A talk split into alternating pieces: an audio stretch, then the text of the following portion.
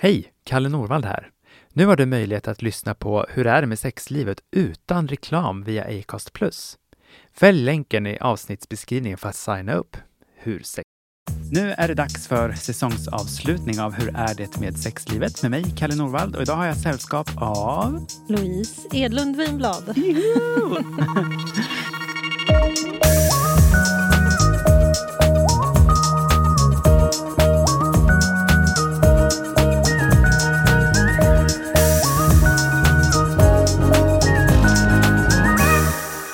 det med sexlivet med Kalle Norvald? Det är alltid förvirrande med mitt andra Ja, efternamn. precis, vad heter jag nu? Ja. ja. Vi hade en diskussion hemma en gång. Men Mattias tyckte att det var onödigt att vi skulle ha två efternamn om vi inte använde dem. ja. Eh, För vi bråkade ju massor innan om vilket, vad vi skulle heta. Och sen Ja. så gifte vi oss och bestämde oss för båda. Och sen så tjafsade vi då om att man bara använde ett, sitt gamla. Så nu använder jag båda. Nej, det var samma sak när jag och min man Erik skulle gifta oss. Vi Mm. Först så här diskuterade vi. Jag var helt öppen med att byta. Han med till en början. Mhm. Och sen så diskuterade vi mycket. Så här, ska vi ta din mammas flicknamn eller din mammas flicknamn? Ska vi hitta på något nytt? Oh, det blir många Eh, möjligheter ja. också. Och så beslöt vi oss för ett alternativ Mm. och så började vi göra oss mer bekväma med det. Och sen så vände min man som Ja. totalt. Jag vill inte byta. Och då var jag så Oj. öppen och eh, villig att byta så jag tog hans namn. Ja. Istället för att ha dubbelt så. Så nu heter vi Norvald båda två. Det här är ju en podd om sexualitet. Mm. Eh, och det här är ju någonting som du pratar om på lite olika sätt. Hiten och ditan i dina forum. Ja. Hur tycker du att det är att prata om sexualitet? Jag tycker att det är viktigt, framför allt, skulle jag säga. Mm. Och jag tror att mycket grundar sig i att jag är tjej och jag är uppväxt med vad jag insett inte så jättestor skillnad nu, men att tjejer liksom inte får ha särskilt mycket sex och Mm. att det är skamfyllt och att eh, man ska vara supererfaren men helst inte haft sex med någon. Och jag brottades så sjukt mycket med det där med skammen kring sex när jag var tonåring. Och, och så fanns det någon liten sån här feministisk del i mig som var så här, jag ska få ligga med vem jag vill och om jag vill och så vidare. Och sen så var det ju hela, liksom allt runt omkring som absolut inte var, hade kommit så långt i alla fall. Och en del i mig också som såklart inte hade kommit så långt Ja.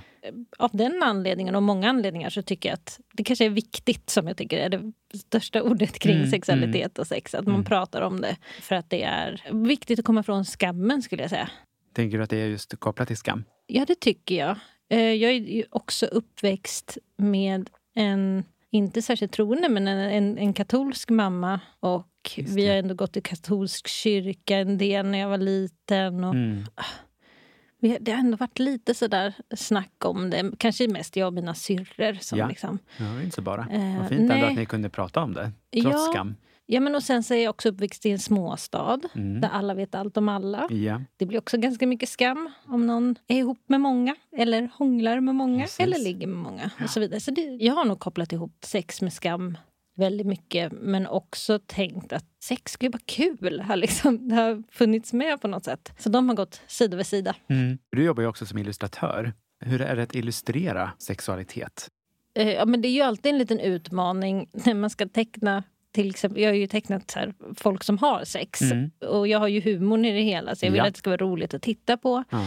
Jag utgår enbart från mig själv, men jag vill inte att det ska kännas för grovt och jag vill Ja. inte att det ska liksom bli... Puttinuttigt. Nej. Mm. Utan det får gärna vara roligt och det får vara...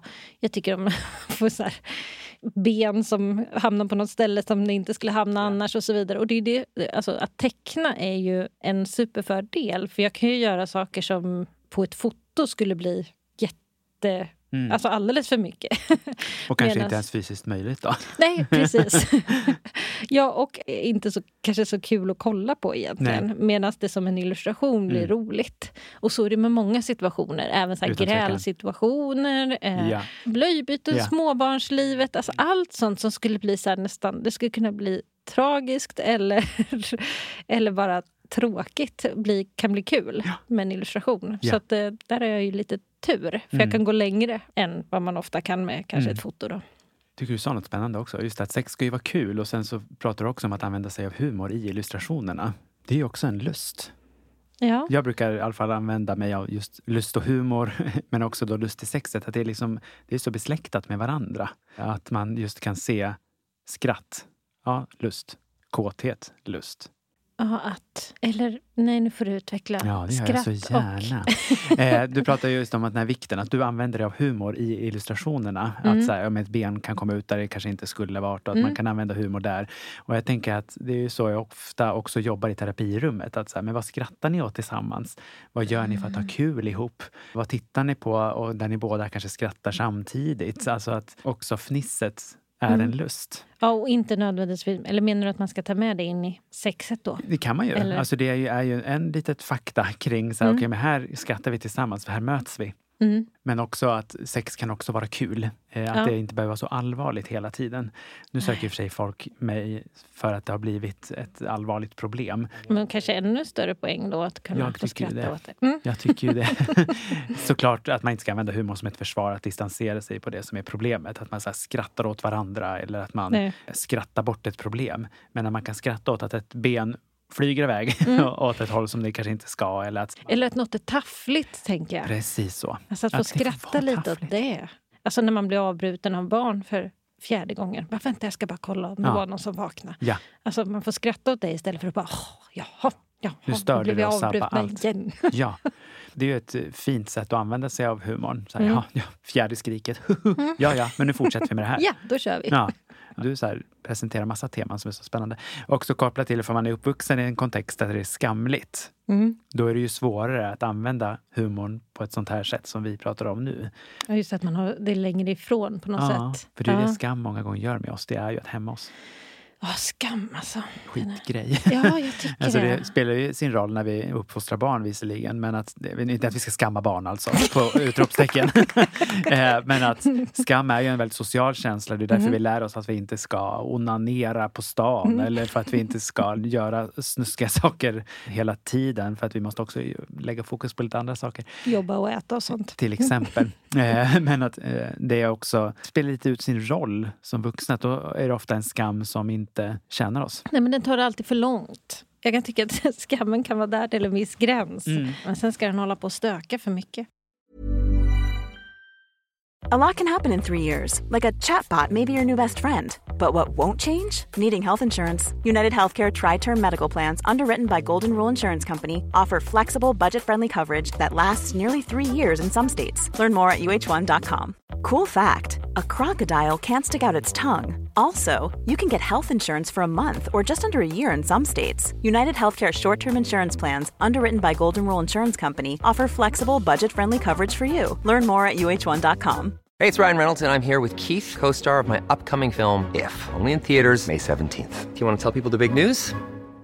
All right, I'll do it. Sign up now and you'll get unlimited for $15 a month in six months of Paramount Plus Essential Plan on us. Mintmobile.com slash switch. Upfront payment of $45 equivalent to $15 per month. Unlimited over 40 gigabytes per month. Face lower speeds. Videos at 480p. Active Mint customers by 531.24 get six months of Paramount Plus Essential Plan. Auto renews after six months. Offer ends May 31st, 2024. Separate Paramount Plus registration required. Terms and conditions apply if rated PG.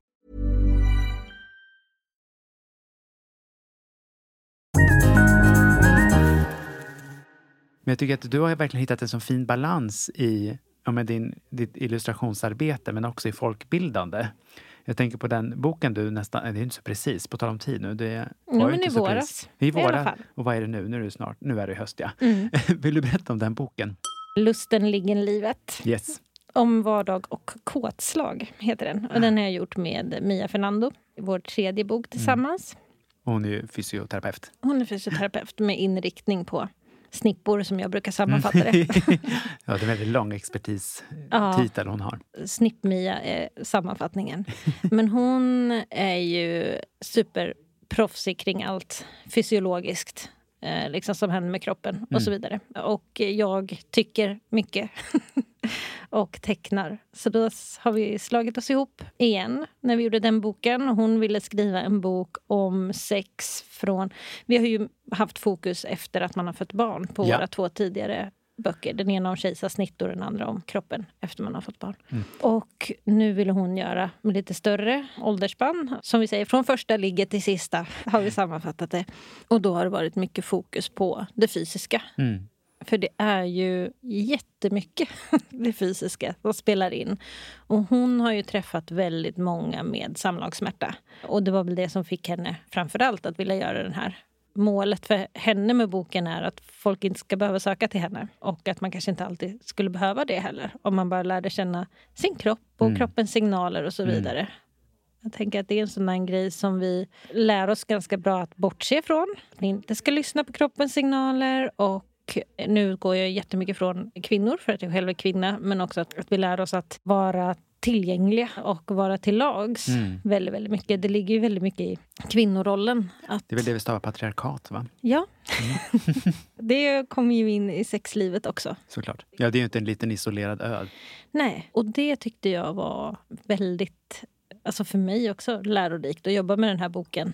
Åh gud, det är så mycket. Det är liksom det fysiska, det är efter man har fött barn, det är synen på lust, det är eh, synen på sexualitet. Och en sak som jag bara så här, när vi gjorde den här boken, så är det så konstigt att jag inte har reflekterat över det innan, men det är ju att lust förändras.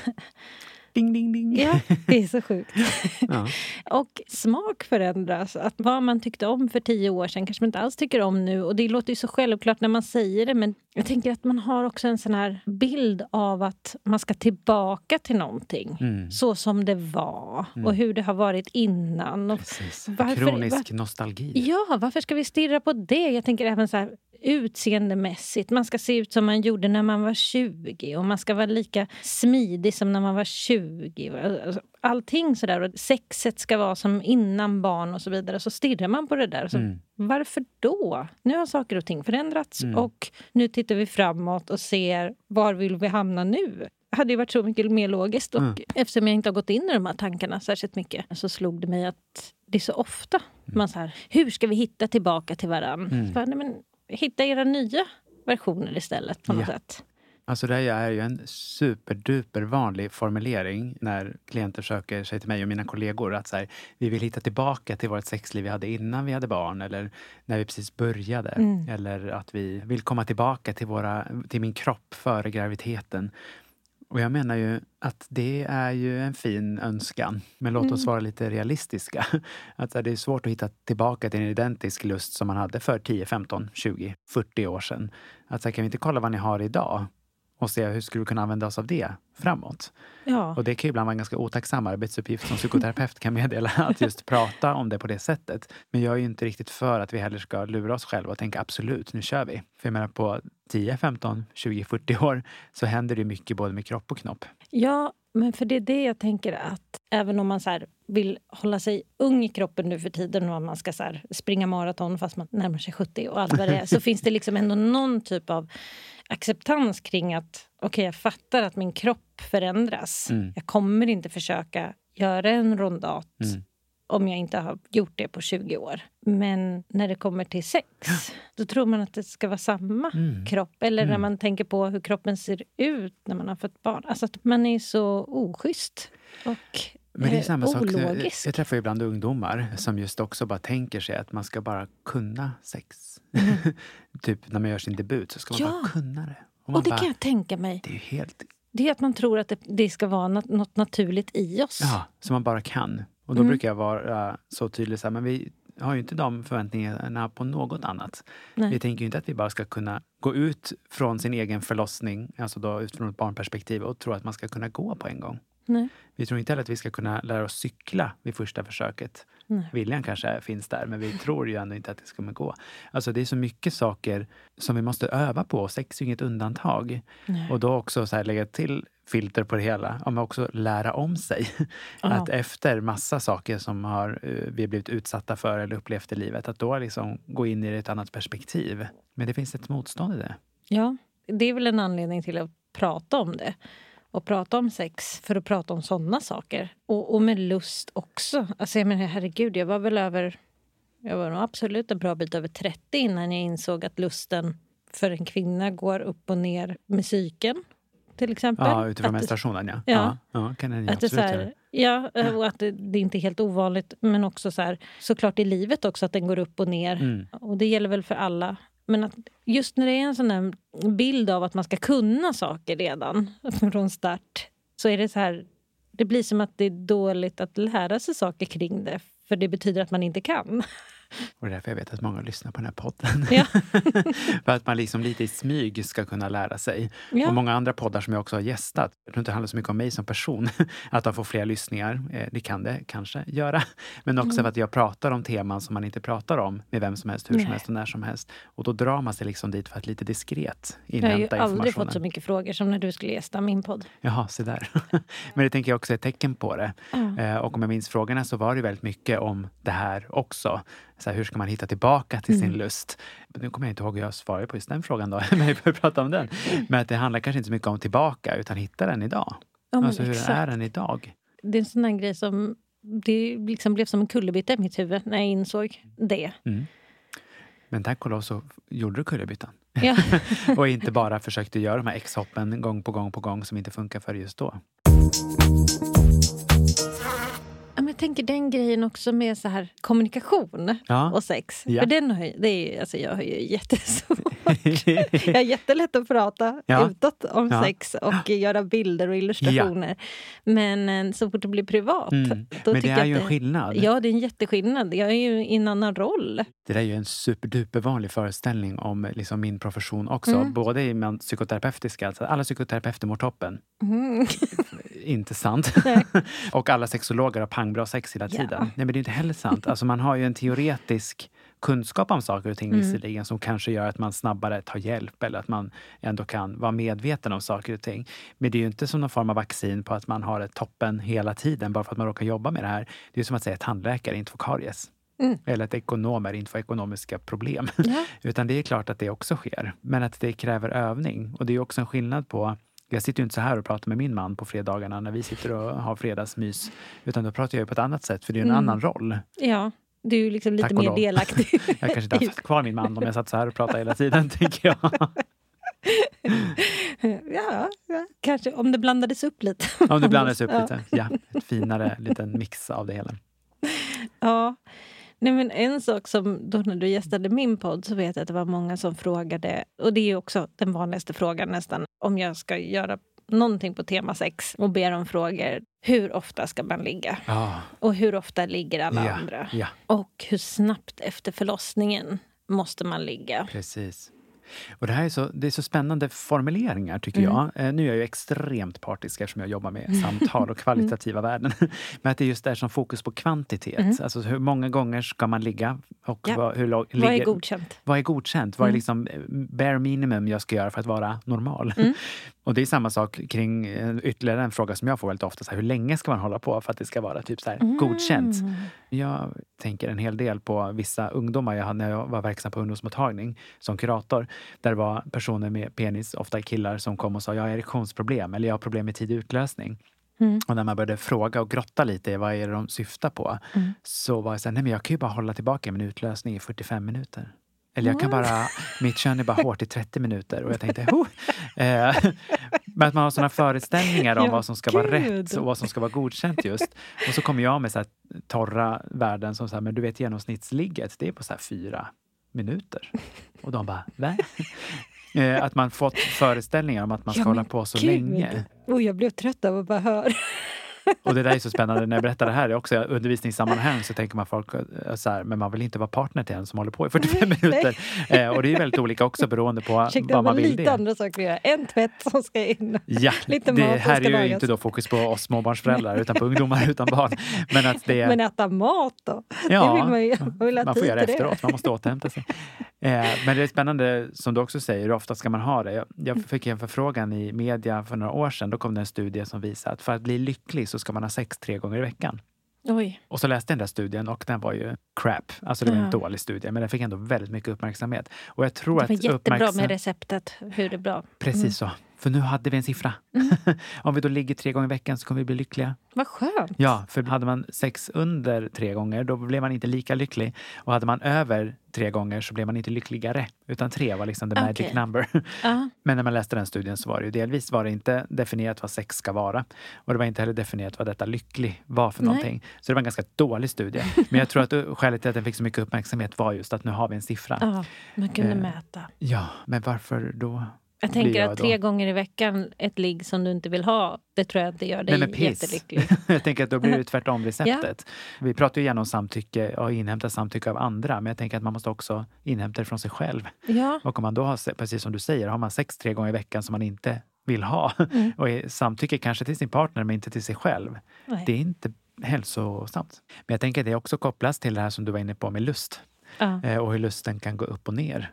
Ja, och det funderade jag på på vägen hit. Att jag tänker att många som har fött barn, alltså nästan direkt kommer den där frågan. Ja, när ska man börja ligga igen? då? Ja. När ska man börja sex igen? Och då är det ju nästan alltid penetrationssex det tänks på. Och så tänker jag att inte skulle man hålla på så om någon hade skadat handen i en olycka så skulle man inte hålla på och fundera på när kan jag börja använda den här till onani igen? Tror du inte? Säg inte, säg till mig, jag har opererat handen. Ja, Jag ja, okej. Ja, men på om det var så. Då funderade jag också på att då kanske man är- skulle börja tänka lite mer kreativt. Ja. Vad kan jag ha istället för den här handen som gör ont? Inte skulle man så här, vi kör på. För att jag har ju Ändå. aldrig alltid använt den här högerhanden så Ja. nu gör vi det. Jag opererade gör ont. vänsterhanden, nu är jag högerhänt så det var ju Perfekt. Varför har man inte fler hål tänkte jag Ja, säga, men nu lät jag ju obildad.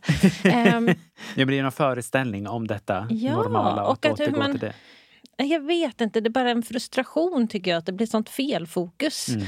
Jag tänker att man aldrig pratar om hur snabbt man vill ha sex efter att man har fått barn. Eller hur snabbt man kan räkna med att vilja vilja. Mm. alltså, Det handlar liksom bara om görandet. Mm. Att det blir som den där grejen. Jag vet inte om det är vår tid också, att man ska bocka av saker på listan. Nu har jag gjort de här två tvättarna och jag har städat hela huset. Jag har legat tre gånger den här veckan och använt tandtråd. Ja, eller hur? A lot can happen in three years, like a chatbot may be your new best friend. But what won't change? Needing health insurance. United Healthcare Tri Term Medical Plans, underwritten by Golden Rule Insurance Company, offer flexible, budget friendly coverage that lasts nearly three years in some states. Learn more at uh1.com.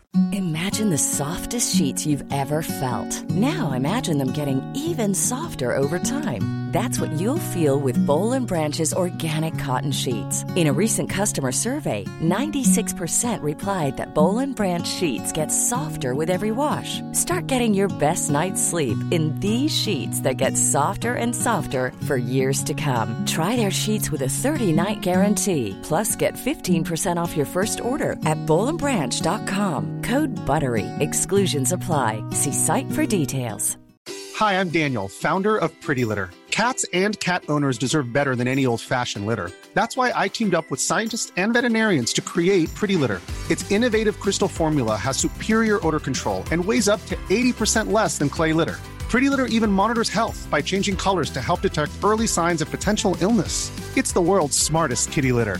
Go to prettylitter.com and use code ACAST for 20% off your first order and a free cat toy. Terms and conditions apply. See site for details.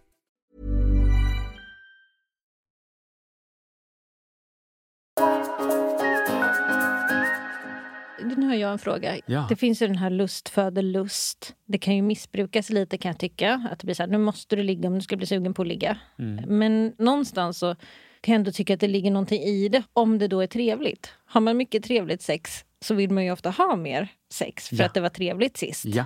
Och då kan jag tänka mig då i vissa perioder, när man har småbarn till exempel, att ja, hur ska man göra då? För att jag menar, då kan man ju vänja sig av ganska rejält. Mm. Alltså man märker att man klarar sig ganska bra Mm. utan sex. Mm. Och det är ganska bekvämt och man, det är så skönt att sova istället. Absolut. Det finns det ju evidens för, alltså forskning som visar just att lust föder lust. Men det, är ju, det viktiga är ju det som du så snyggt formulerat. Det behöver ju vara bra lust. och det är därför det här med taffligheten och humor också är en bra ingrediens att ta till sig om det liksom är läge för det. Att om man kan prata om, för kommunikation är ju en viktig del av sexualiteten vill jag ju hävda. om man kan uttrycka att så här, ja, men också använda sig av sexualiteten och det taffliga. Eh, att säga så här, ja nu blev du så här, upsi daisy. Nästa gång kanske det inte blir så. Eller så blir det så igen, då får vi skratta åt det en gång till. Att det inte behöver vara så otroligt allvarligt. Att om man oj det här kommer låta jättekonstigt, men om man också kan sänka kraven på vad sexet ska vara så Mm. kan det också öppna upp dörrarna till lusten. Om man tänker mer fyra minuter än 45. Utan tvekan. Mm. Och att det kanske inte alltid behöver vara det här penetrerande omslutande sexet som ska till. Och har man liksom gjort en vaginal förlossning och liksom precis tryckt ut en bebis på tre kilo, då kanske man inte vill att någon ska in tillbaka Mm. in igen. Nej. Liksom. Eh, och av medicinska skäl så finns det ju också stora anledningar varför man ska vänta för Mm. att liksom man ska läka. Nu är ju underliv fantastiska på att Mm. läka, eh, vill jag verkligen poängtera.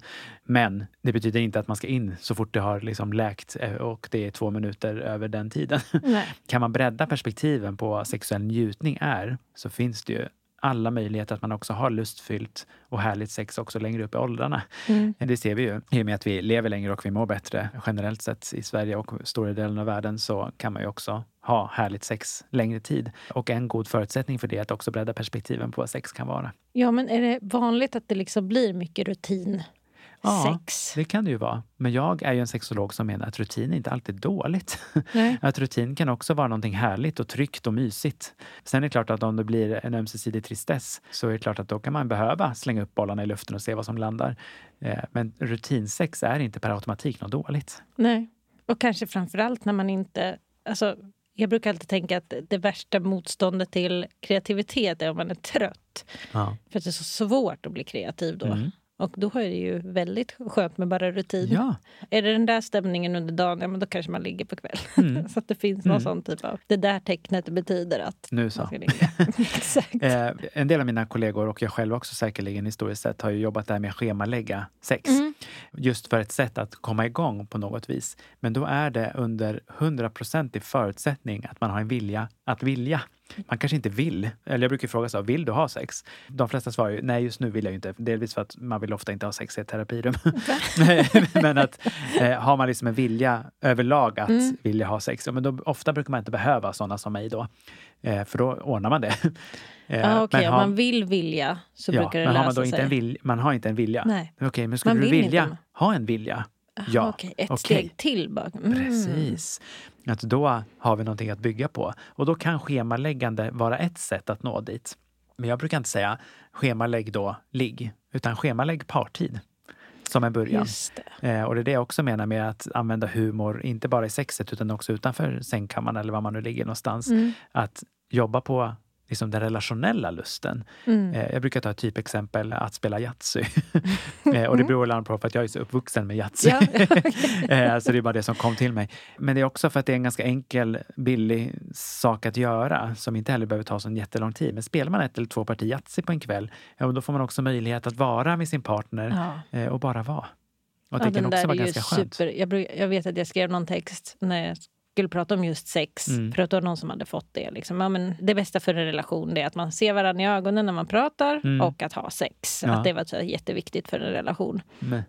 Eh, och, då, och då tänkte jag, alltså dels så brukar jag tänka att det är väl jätteviktigt att inte behöva ha sex också. Ja. Alltså att det, det måste vara superbra för en relation Absolut. att kunna inte ha sex. mm.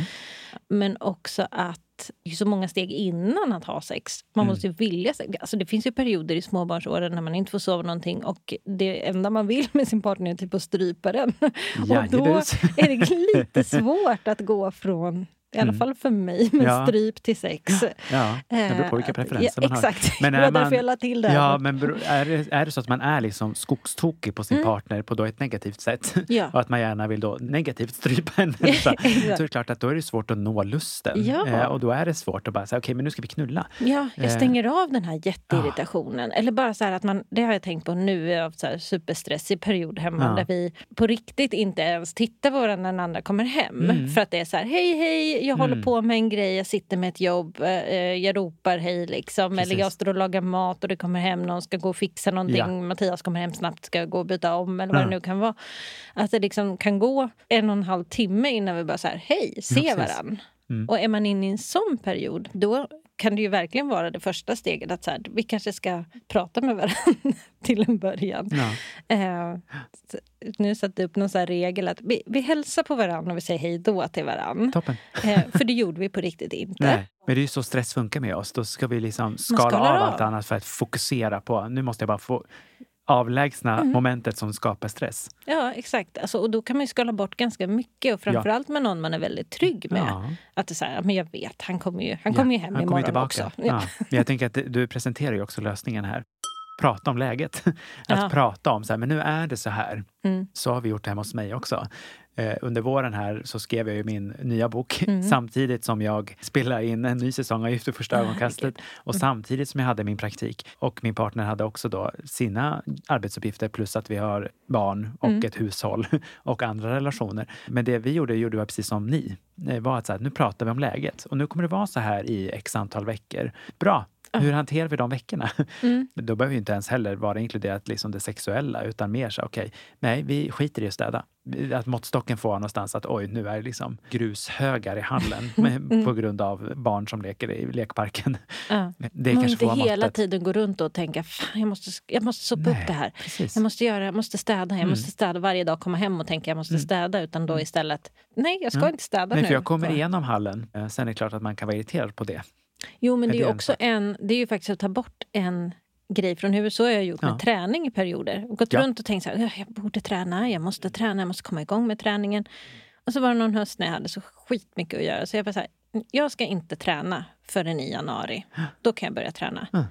Alltså det var den bästa Uff. hösten någonsin. Ja. För att jag bara inte gick runt och varje dag bara, nu tränade jag inte idag heller. Och det är exakt samma psykologi om sex. Ja.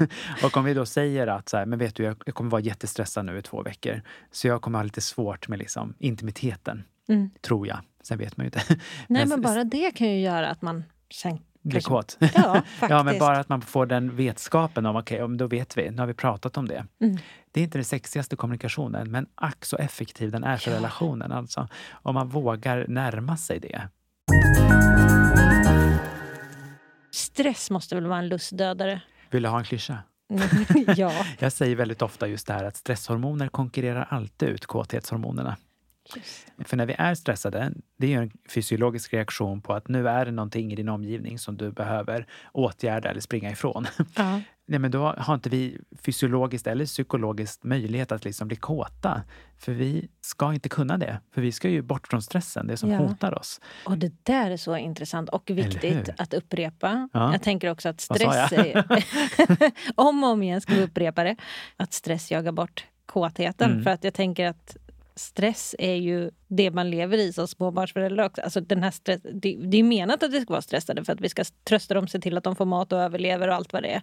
Verkligen. Och sen kommer hela det här samhället vi lever i där man ska göra precis allt hela tiden och Ja. vara lyckade på Mm, alla mm, och hela mm. tiden Kåta.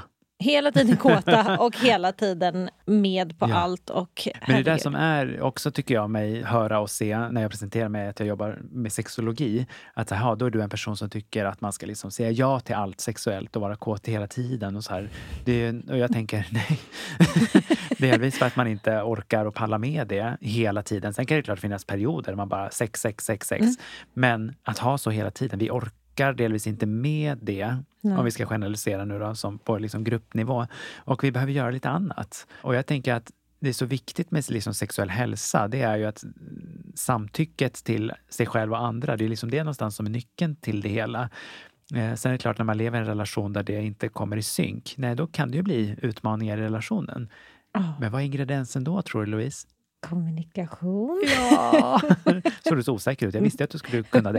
Eh, Men det är ju att prata om det och det är ju inte alltid så kul. Igen kopplat till det vi pratade Nej, om men är det tidigare. inte att man känner att man typ är taskig mot någon? Ja. Man vet att en person vill ha sex. Ja, Och så kommer man och ska vara den där som bara, Jobbiga men vet du vad, du ska inte få det här du Ja. vill. Nej, och det där har ju också varit en jättestor diskussion i, också kopplat till samtyckesdiskussionen generellt Mm. sett. Alltså att man ska ställa upp på husfridssexet. Ja. Liksom. Och det är ju inte en positiv grej, för då finns det ju väl, alltså att man bara ställer upp för att eh, få sin partner att hålla käft eller sluta tjata på mig. Mm. Det är ju inte ett lustfylld sammanhang att vistas Nej. i. Eh, men jag brukar ställa det mot begreppet gåvosex. Mm. Att så här, nej men jag är inte jättekåt. Jag är inte heller okåt. Men jag är liksom inte så här, nu vill jag drivas av kåtheten till i relationen jag är i. Men jag kan ge min partner sex Mm. utan att det blir ett övergrepp på mig som husfridssexet ju lätt kan bli. Men att ge sin partner någonting, också som ett sätt att få vara nära. Man kanske inte är kåt. Sen kanske det kommer under tiden. Who knows? Men det är inte heller ett krav. Exakt. Alltså, jag tror att första gången jag hörde det var när du gästade min podd. Mhm. Att det blev en nyans i det där. Ja. Jag har ju också tänkt på, oj, men här, om man inte riktigt vill att det finns någon så här, Nu har det ju varit, vilket jag tycker är 110 procent bra, att man pratar om samtycke. Absolut. Men också att diskussioner har ju en sån tendens att bli svartvita, framförallt Mm. i sociala medier. Och det blir onyanserat och man ska sammanfatta saker med Ja. jättefå ord. Och det blir kort för att folk ska bara läsa ingressen. eh, Eller rubriken kanske. Och då missar man så mycket nyanser. Ja. Och så tror man att så här, men gud, jag kanske inte riktigt ville ha sex. Har jag varit med om nå- ett övergrepp nu? Och så kanske, det kanske bara var att man inte var superkåt. Ja. Liksom. Alltså, Och det är också helt okej. och att det får finnas nyanser i det och att också att man kanske får vara lite tillåtande mot att man får lära sig. "Va, Okej, jaha, nu blev det lite skavigt den här Ja. gången. Då kanske jag inte ska göra så där mer, eller liksom nästa gång. Så där blir det också en bild av att man ska vara så säker på vad man tycker och tänker och känner. Och Ja.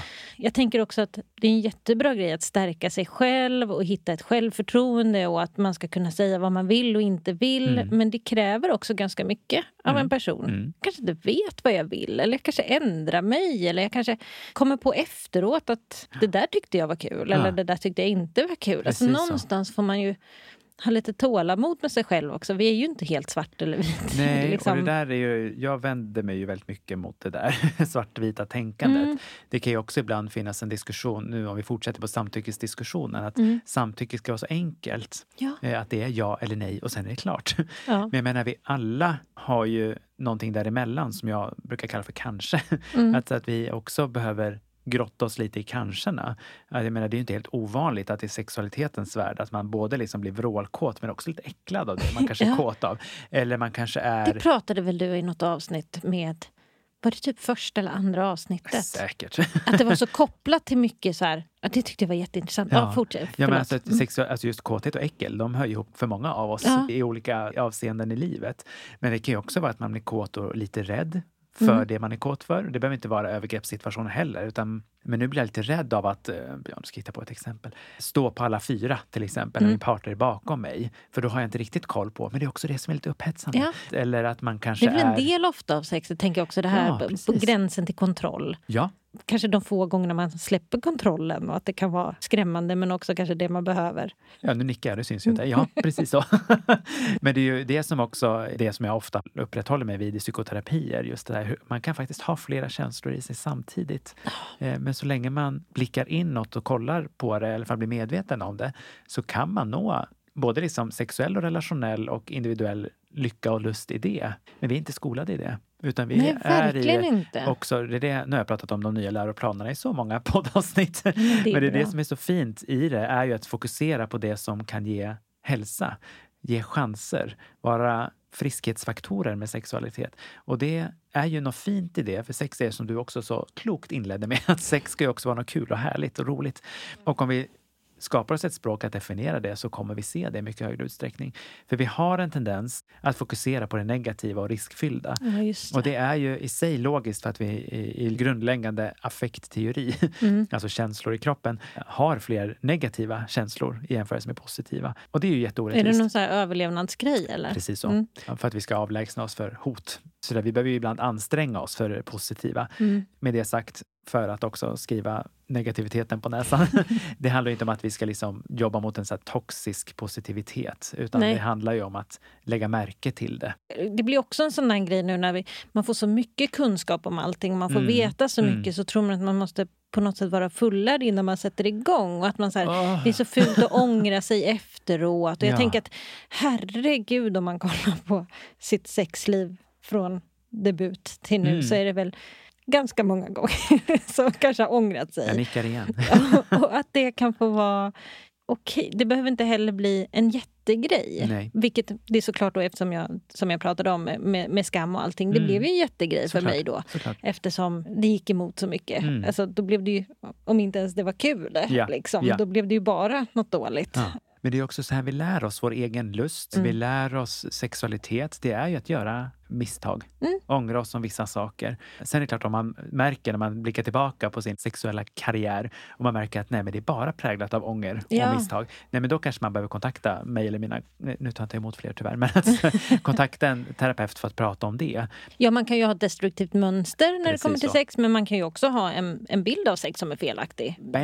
Jag hade ju jätteofta ångest efter sex för att jag hade tänkt att jag kanske inte borde haft sex. Ja, Men det handlade ju bara om någon sån här grej att jag är tjej och jag ska inte ligga Ja. så här. Det finns ju också en poäng att analysera varför. och det brukar jag också säga. Du tar mina ord Louise. Men också så här, vara medveten om sina varför. Eller hur, eller vilka frågor man nu väljer. Hur kommer det sig att jag har haft sex på det sättet jag har haft? Mm. Jag märker att mina orgasmer kommer inte, de lyser med sin frånvaro. Om det är nu målet med sexet. Eller jag märker att jag väljer fel partners gång på gång. Mm. Okej, hur kommer det sig?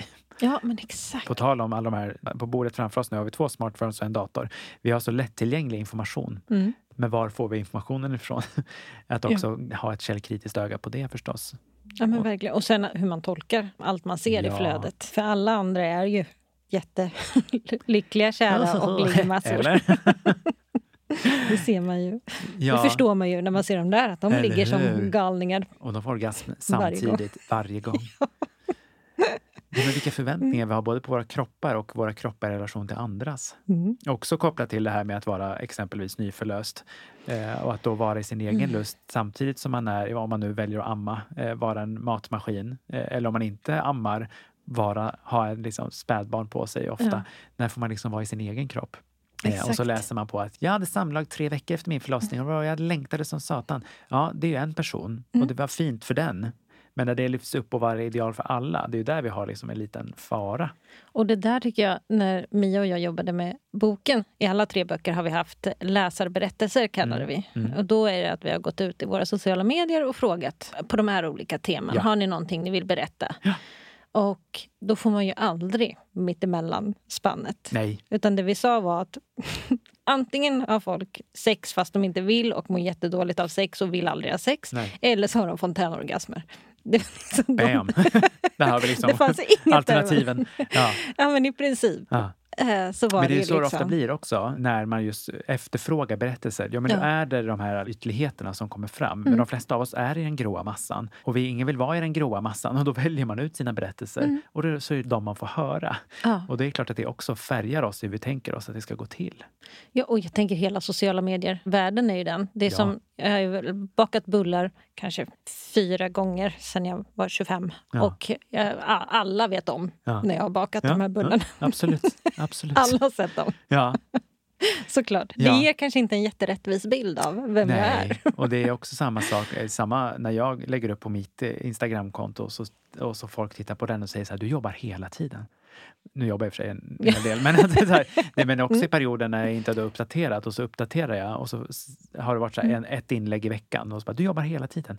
Nej, för jag har också varit ledig en tre dagar den här veckan, kan det ju ha varit. Mm. Men det syns inte. Nej. Det är för att jag har ett jobbkonto, jag visar mitt arbete och då tror man att det är det enda jag gör. Ja, ja, men hur hjärnan funkar, hur man ska tolka Ja. in och Ja. paketera in alla Mm. runt omkring sig. Och då blir det ju så. Alla är kära och har jättemycket sex och bra sex. Och är ihop med sin bästis och så vidare.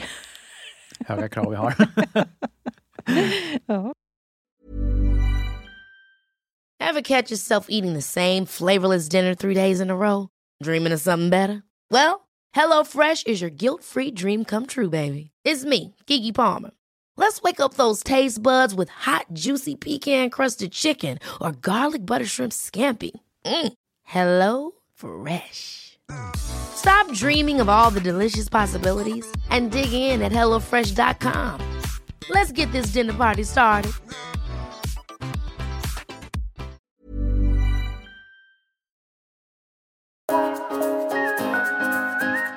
Om att vara ihop med sin bästis, om man har småbarn och vill strypa sin partner på det negativa sättet. Hur man då så lätt hamnar i att också tänka att nu är, är relationen kass på alla plan. Ja.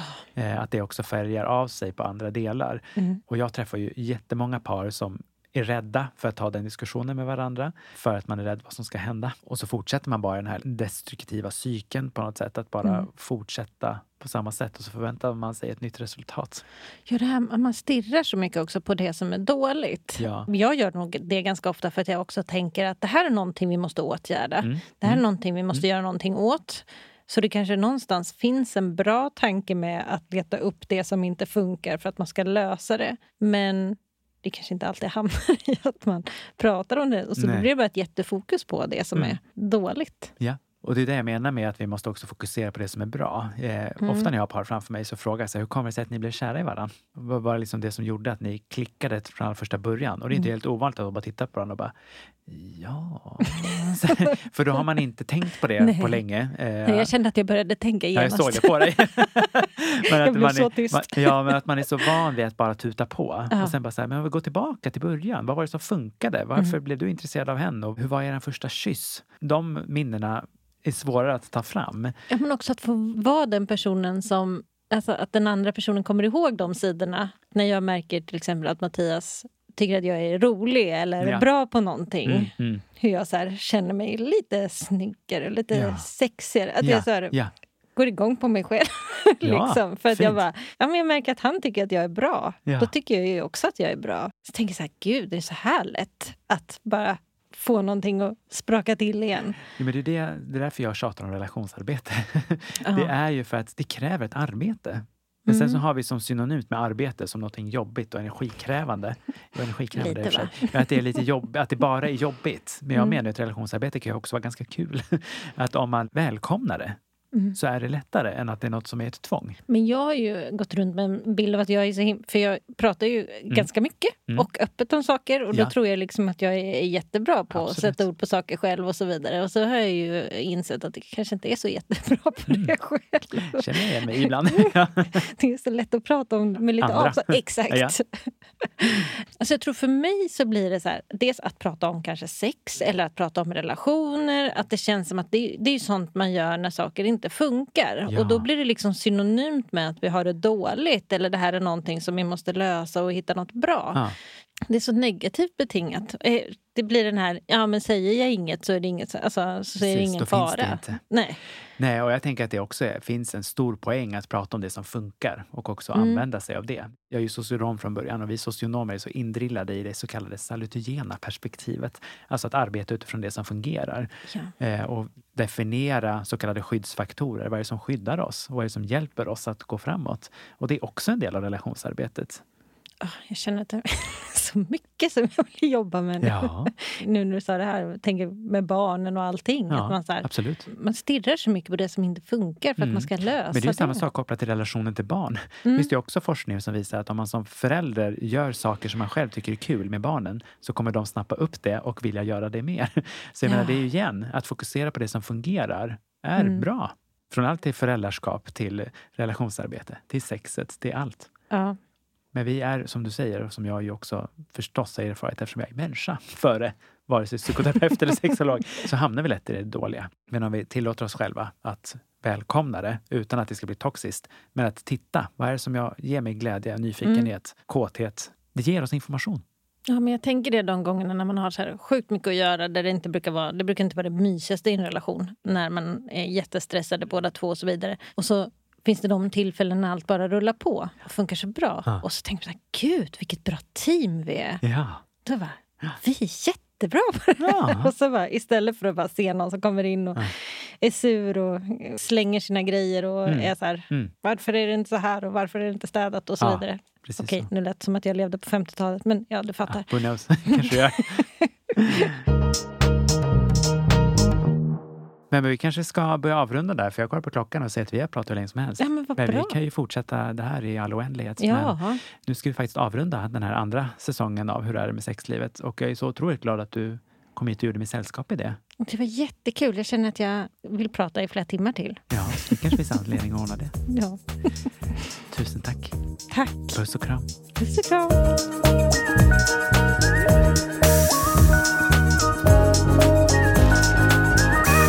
Podden produceras av Kalle Norvald och Nicky Yrla. Musik och ljudmix av mig, Nicky Yrla.